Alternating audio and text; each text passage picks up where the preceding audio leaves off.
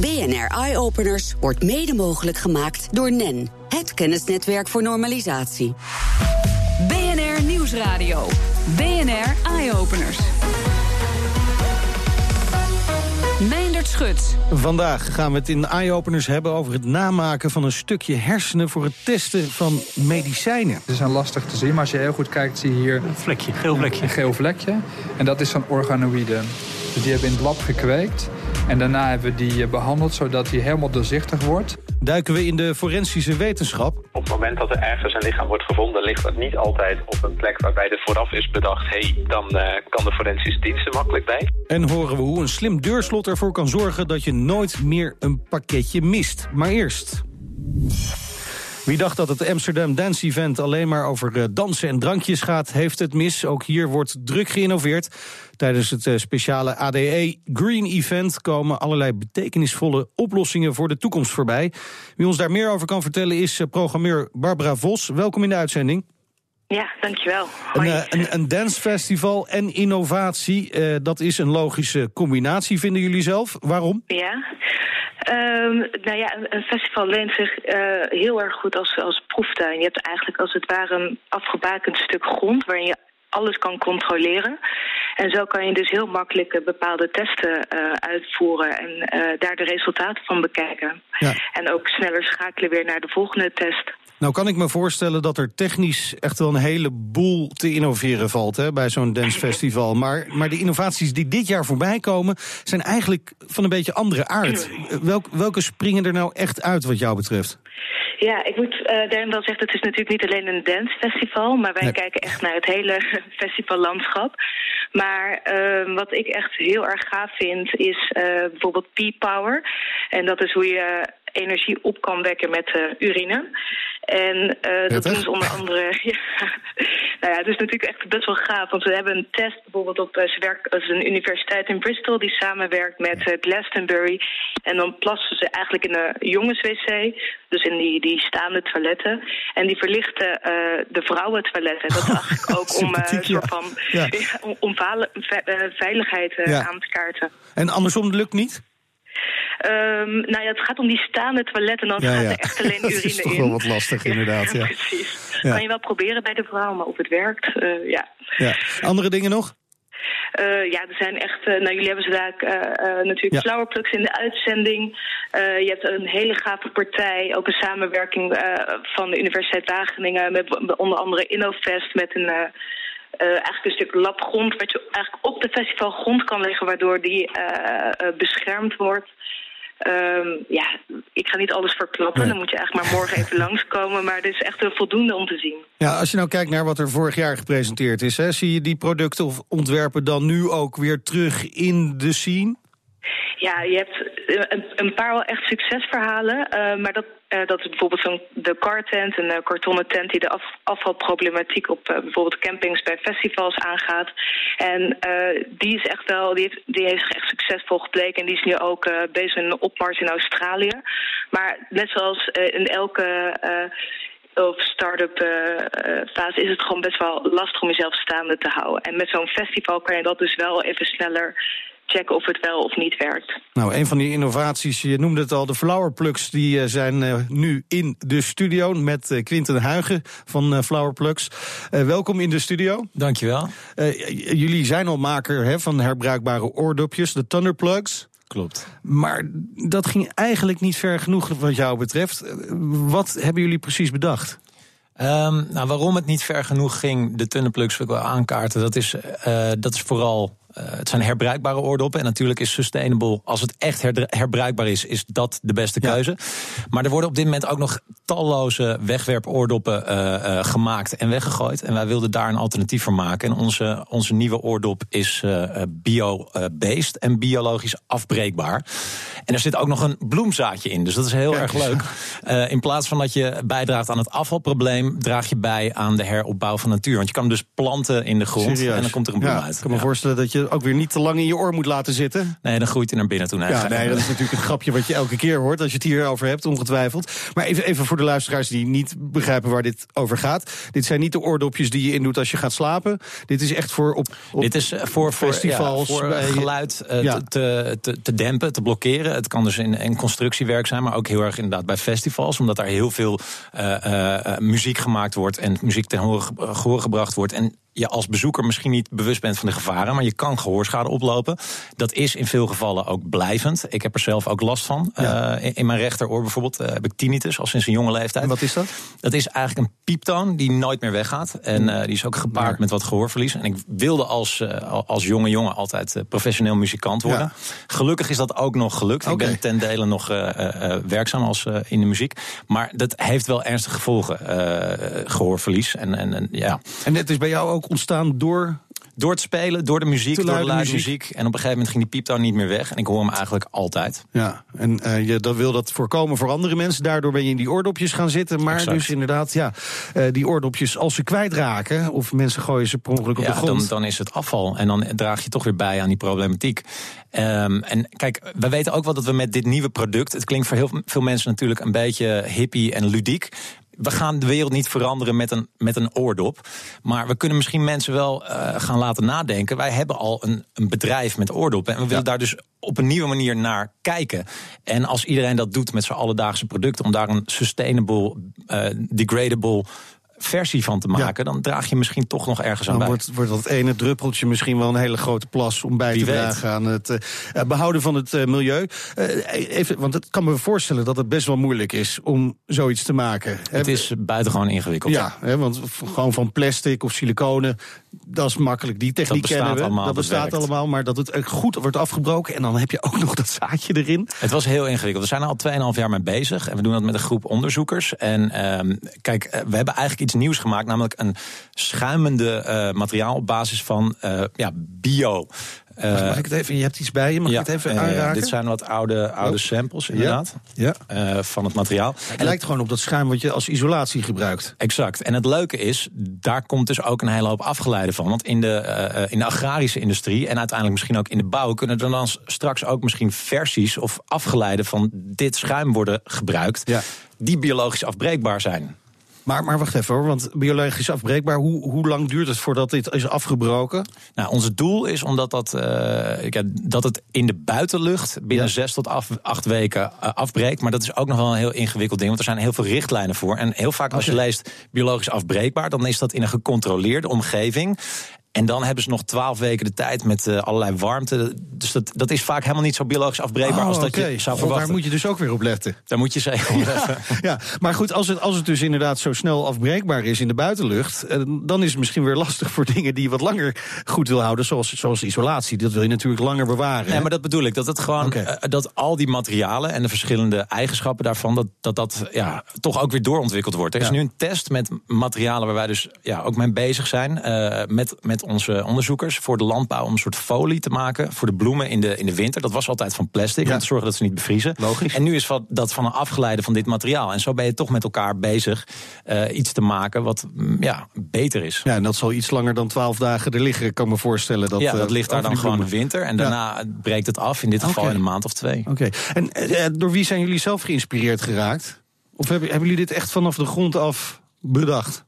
Um, ja, dit hebben we wel vanaf, ja, vanaf de grond af bedacht. Maar er zijn natuurlijk heel veel gave uh, initiatieven mee bezig. En het is gewoon een wereldwijd probleem. Het is echt onze tijd dat we hier allemaal mee moeten dealen. En dat dit gewoon. Ja, ik denk dat je eigenlijk het niet meer kan maken om een bedrijf product nee. te starten zonder hierover na te denken. Nee, maar je bent wel gestart uh, met die siliconenplugs natuurlijk. Klopt. Hoe, hoe lang gaat het duren voordat jullie helemaal om zijn? Ja, ik hoop zo snel mogelijk.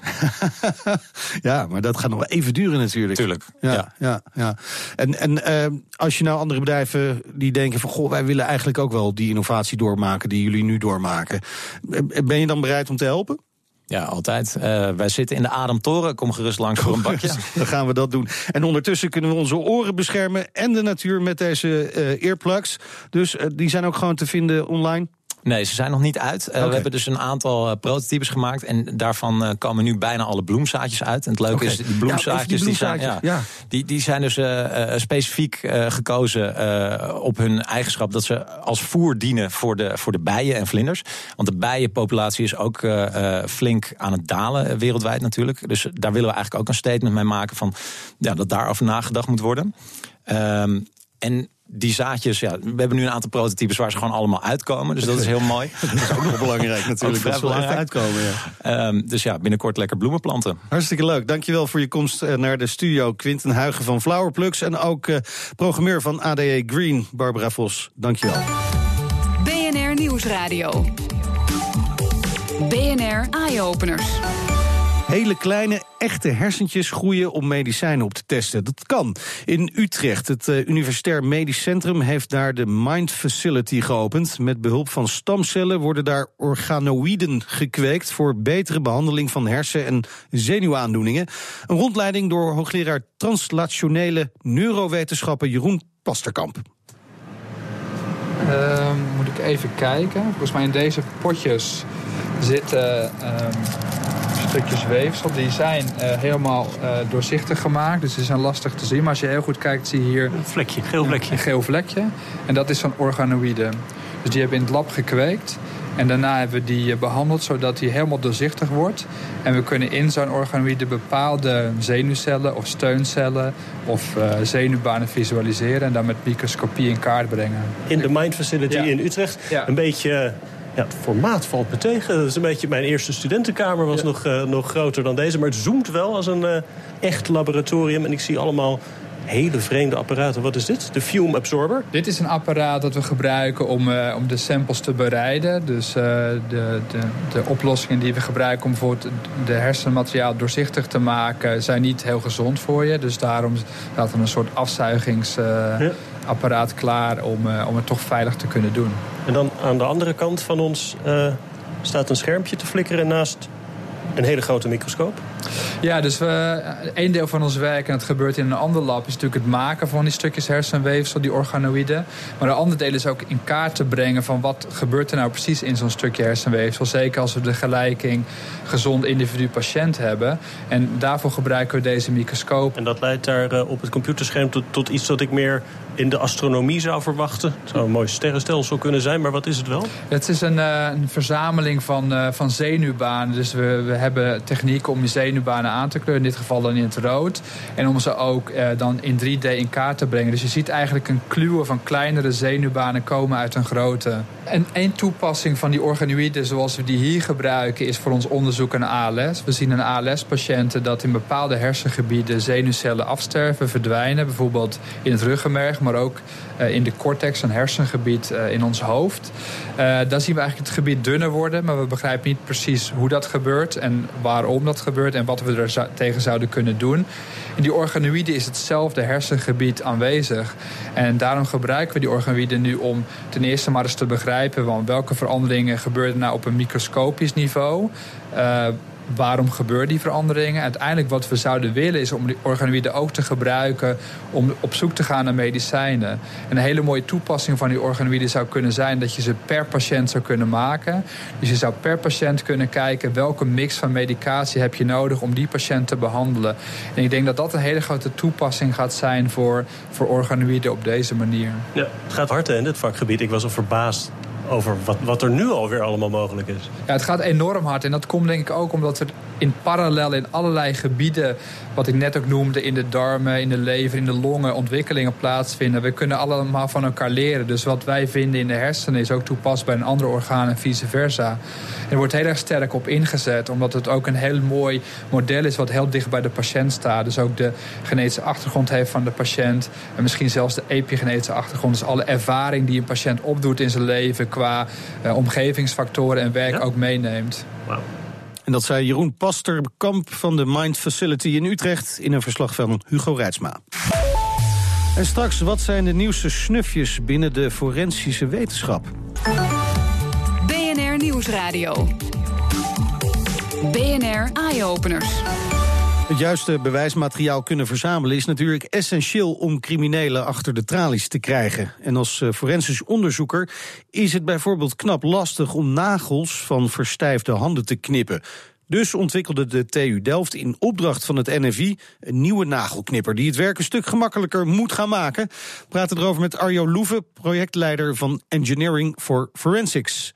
Welkom in de show. Ja, wa- wa- wat is er zo lastig aan het werken met zo'n traditionele nagelknipper? Ja, het, het, um, eigenlijk wordt een normale nagelknipper uh, niet eens heel veel gebruikt. Vaak wordt een pincet en een nagelschaartje gebruikt, omdat je dan controle hebt over het stukje nagel wat je afknipt. Uh, dan kan dat niet wegspringen en dan uh, ben je het niet kwijt. Maar dat betekent dat je twee handen nodig hebt. Dus dan moet er een tweede persoon bij om eventueel de hand of de vinger van het slachtoffer open te buigen. als die bijvoorbeeld nog een wapenbeet had of verstijfd was. En um, ja, helaas ligt een stoffelijk overschot heel vaak niet op een plek waar je heel makkelijk met twee man over zo'n lichaam heen kunt werken. En dat maakt dat we toe wilden naar iets wat de voordelen had van een nagelknipper, namelijk met één hand werken. Ja. Maar ook de voordelen van een pincet en nagelschaar, dat je het beet houdt zonder de nadelen van enige van die twee. En dat je het dus door één persoon kunt doen. Ja, want iedereen kent het natuurlijk wel van thuis. Als je met zo'n nagelknipper werkt, dat is inderdaad makkelijk met één hand. Maar die nagels vliegen alle kanten op. Nou, nou heb ik een foto van jullie nagelknipper gezien. En die lijkt eigenlijk gewoon best wel op de nagelknipper die ik thuis heb liggen. Wat, wat is er nou anders aan? Ja, ja dat, dat is de grap. Dat, um, hij lijkt er inderdaad nog op. Maar er zitten een paar hele slimme innovaties in die, uh, als je ze ziet, heel voor de hand liggen. Maar toch heel veel tijd kosten om die goed te ontwikkelen. Zo uh, zit er een opvangmechaniek omheen, uh, wat we 3D geprint hebben, om te zorgen dat die nagel niet wegspringt. Ja. Uh, de knipkop is verwisselbaar en los te halen van de handgreep, waardoor je dus bijvoorbeeld de linker en de rechterhand apart kan knippen. Dan kun je geen DNA verplaatsen. Oh ja. Um, de handgreep is heel slim gemaakt uit slechts twee onderdelen... die volledig functioneel en stevig en stijf zijn... maar heel makkelijk uit elkaar kunnen... en dan ook heel gemakkelijk schoon kunnen, uh, gemaakt kunnen worden. Wat natuurlijk ontzettend belangrijk is uh, bij het forensisch onderzoek. En is hier al gebruikt door uh, forensisch onderzoekers?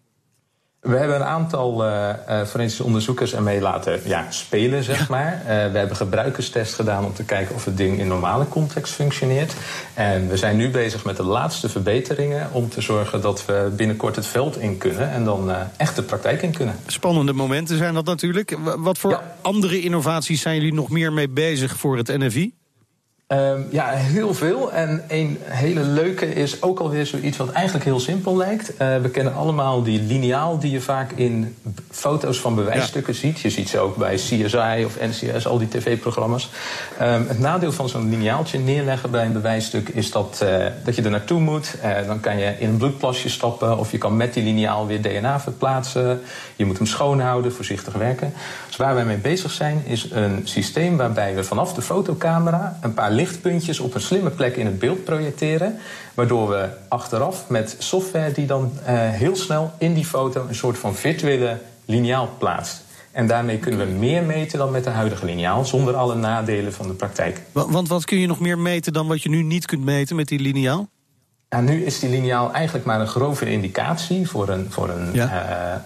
Inschatting van de, van de maten, ja. en maar heel lokaal. En wij kunnen straks in het hele vlak van die foto um, ja, heel secuur bematen, ook met rekening houden met het perspectief. Ja. Nou, dit zijn natuurlijk hele fijne uh, ontwikkelingen voor de forensische onderzoekers. Waar, waar, komen deze verbeteringen vandaan? Komen die uit het werkveld zelf, dus van de mensen die ermee mee werken? Of komen die van, van jullie als buitenstaander relatief? Ja, eigenlijk allebei een beetje. Um, we spreken veel met de forensische onderzoekers van het NFI, van de politie, uh, de nagelknipper. Idee is aangedragen door Paul van der Hoven en Matthijs Zuidberg van het NFI. Um, maar we analyseren zelf ook die problemen, geven we ook cursussen in. En um, daarbij komen we met elkaar steeds toch weer op uh, hele mooie nieuwe ideeën. Maar heel vaak begint het, gelukkig, met een behoefte vanuit het veld. Ja, toch wel. Want dat, dat vroeg ik me namelijk af. Hè. Is het niet zo dat je uh, in het veld mensen toch al snel denken van... ja, zo doen we het nou eenmaal. Uh, misschien kan het wel beter, maar god, we zien het eigenlijk niet meer hoe het beter kan. Ja, um, ja, die mensen heb je helaas ook heel veel. um, maar gelukkig werken wij met allerlei ontzettend enthousiaste ja. en innovatieve mensen die uh, juist verbetering zoeken. Je had het al over die cursus, een uh, gratis online cursus, Forensic Engineering, Learning from Failures. Klinkt heel erg interessant. Uh, wat valt er voor ons leken te leren van die cursus? Nou, heel veel, want hij is voor uh, uh, mensen van uh, eindmiddelbare school tot academisch opgeleid is hij geschikt. Het is een cursus waarbij we forensic engineering docenten, dus we analyseren falen van technische systemen, bijvoorbeeld het instorten van de parkeergarage in Eindhoven, ja. een vliegtuig waarvan het landingsgestel is gescheurd. Uh, medische instrumenten die niet functioneerden, waardoor patiënten massaal besmet raken. En als je die systematisch analyseert, kom je zuiverder en uh, beter bij de daadwerkelijke oorzaken terecht. En als je die oorzaak kent, dan kun je die in de toekomst ook voorkomen. En dat betekent dus dat het zinvol is voor mensen in het forensisch veld of bij de politie, maar ook voor verzekeraars, schade-experts, maar ook voor ontwerpers van technische systemen die willen leren hoe ze kunnen voorkomen dat dat falen optreedt. En die cursus lanceren we vandaag. Daar kunnen mensen zelfs nog voor inschrijven op edX.org, als ik mag. En um, uh, ja, de, vanmiddag hebben we een klein feestje om dat te introduceren. Want ja, het is nogal veel werk, zo'n uh, cursus ja, opzetten. Begrijp ik. Veel plezier op het uh, feestje. Het lijkt me zeker de moeite waard voor heel veel mensen. Hartelijk dank, Arjo Loeven, projectleider van Engineering for Forensics aan de TU Delft. BNR Nieuwsradio. Meindert Schut. Hoog tijd voor de beste technieuwtjes vanuit de hele wereld. En daarvoor uh, spreken we zoals elke week met onze tech- en innovatie-expert Elger van der Wel. Elger, jij wilde het vandaag hebben over het uh, bezorgen van pakketjes. En laat me raden, dan gaat het over drones. Nou, eigenlijk dit keer niet eens. Het oh. gaat gewoon over de ouderwetse manier van bezorgen. Waarbij er een bezorger bij je langskomt met een busje vol pakketjes. Um, maar Amazon is wel met iets bezig om ervoor te zorgen dat die bezorger nooit meer een tweede keer langs hoeft te komen. Omdat je niet thuis bent. Oh ja. Het idee is namelijk om je huis te gaan uitrusten met een slimme deurbel en een soort deurslot. Waarmee de pakketbezorger eenmalig toegang kan krijgen tot je huis. Ik vind het nog steeds een beetje een, een idee dan is het ook wel handig dat hij gewoon een pakketje in de gang neer kan zetten. Het zijn trouwens nog geruchten, maar Amazon kennende is het wel iets waar ze echt naar kijken of het mogelijk en haalbaar is. Maar goed, die bezorger zelf, die, die houdt dus gewoon wel voorlopig zijn baan. Ja, voorlopig nog wel. En het leuke is dat er in Duitsland ook een heel ander soort project is rondom de toekomst van, uh, van bezorgen. In dit geval gewoon van ouderwetse post. Waarbij ook wordt gekeken hoe kunnen we zorgen dat postbodes hun baan niet verliezen, maar wel hulp krijgen van technologie. Ze hebben dan namelijk een, uh, ja, een, letterlijk een bezorgrobot ontwikkeld die uh, ja, mee kan gaan op de, op de postronde van de postbode. Deutsche Post test zes weken lang de postbot in het plaatsje Bad Hersfeld. Ik hoop dat het goed uitgeeft, maar Duits dat betreft niet heel goed. Maar um, hij rijdt mee met de bezorger. Um, en het handige is dat zo'n robot 180 kilo aan post kan meenemen. Nou, dat, dat lukt op een gewone fiets of met een karretje zeker niet. Um, op die manier uh, moet een postzorger uh, sneller en efficiënter ja. zijn werk kunnen doen. Nou, dat is handig, dat scheelt een hoop uh, sjouwwerk. Hey, dan iets heel anders. Komend weekend is de finale van Heel Holland Bakt. Wie kijkt er niet? En nu heb jij iets gezien dat eigenlijk wel heel erg handig is voor al die deelnemers. Vertel. Ja, slimme bakspullen. GE Appliances, groot Amerikaanse elektronica fabrikant, heeft een cakevorm getoond met een ingebouwde thermometer Precision Bakeware heet het. En via een bijbehorende app kun je dan in de gaten houden of je bak wel de juiste temperatuur heeft bereikt. En of het dus gaar is. Daar wordt de jury van heel Bakt volgens mij heel, heel blij van als dat zo is. Volgend jaar komt er een hele lijn van dat soort connected bakvormen, bakproducten op de markt. En ik denk dat er een heleboel mensen die normaal als een cake laten mislukken, daar heel blij van gaan worden. Ja, dat, dat denk ik ook. Uh, zelfs ik zal het misschien op die manier kunnen. Dankjewel Elger, tot volgende week. Dat was hem voor vandaag. Meer innovaties met impact vind je op bnr.nl slash eyeopeners. Op Twitter vind je ons via BNR Innovatie. Hele uitzending die kun je terugluisteren als podcast via iTunes en Spotify. En je hoort ons in de toekomst. BNR Eyeopeners wordt mede mogelijk gemaakt door NEN, het kennisnetwerk voor normalisatie.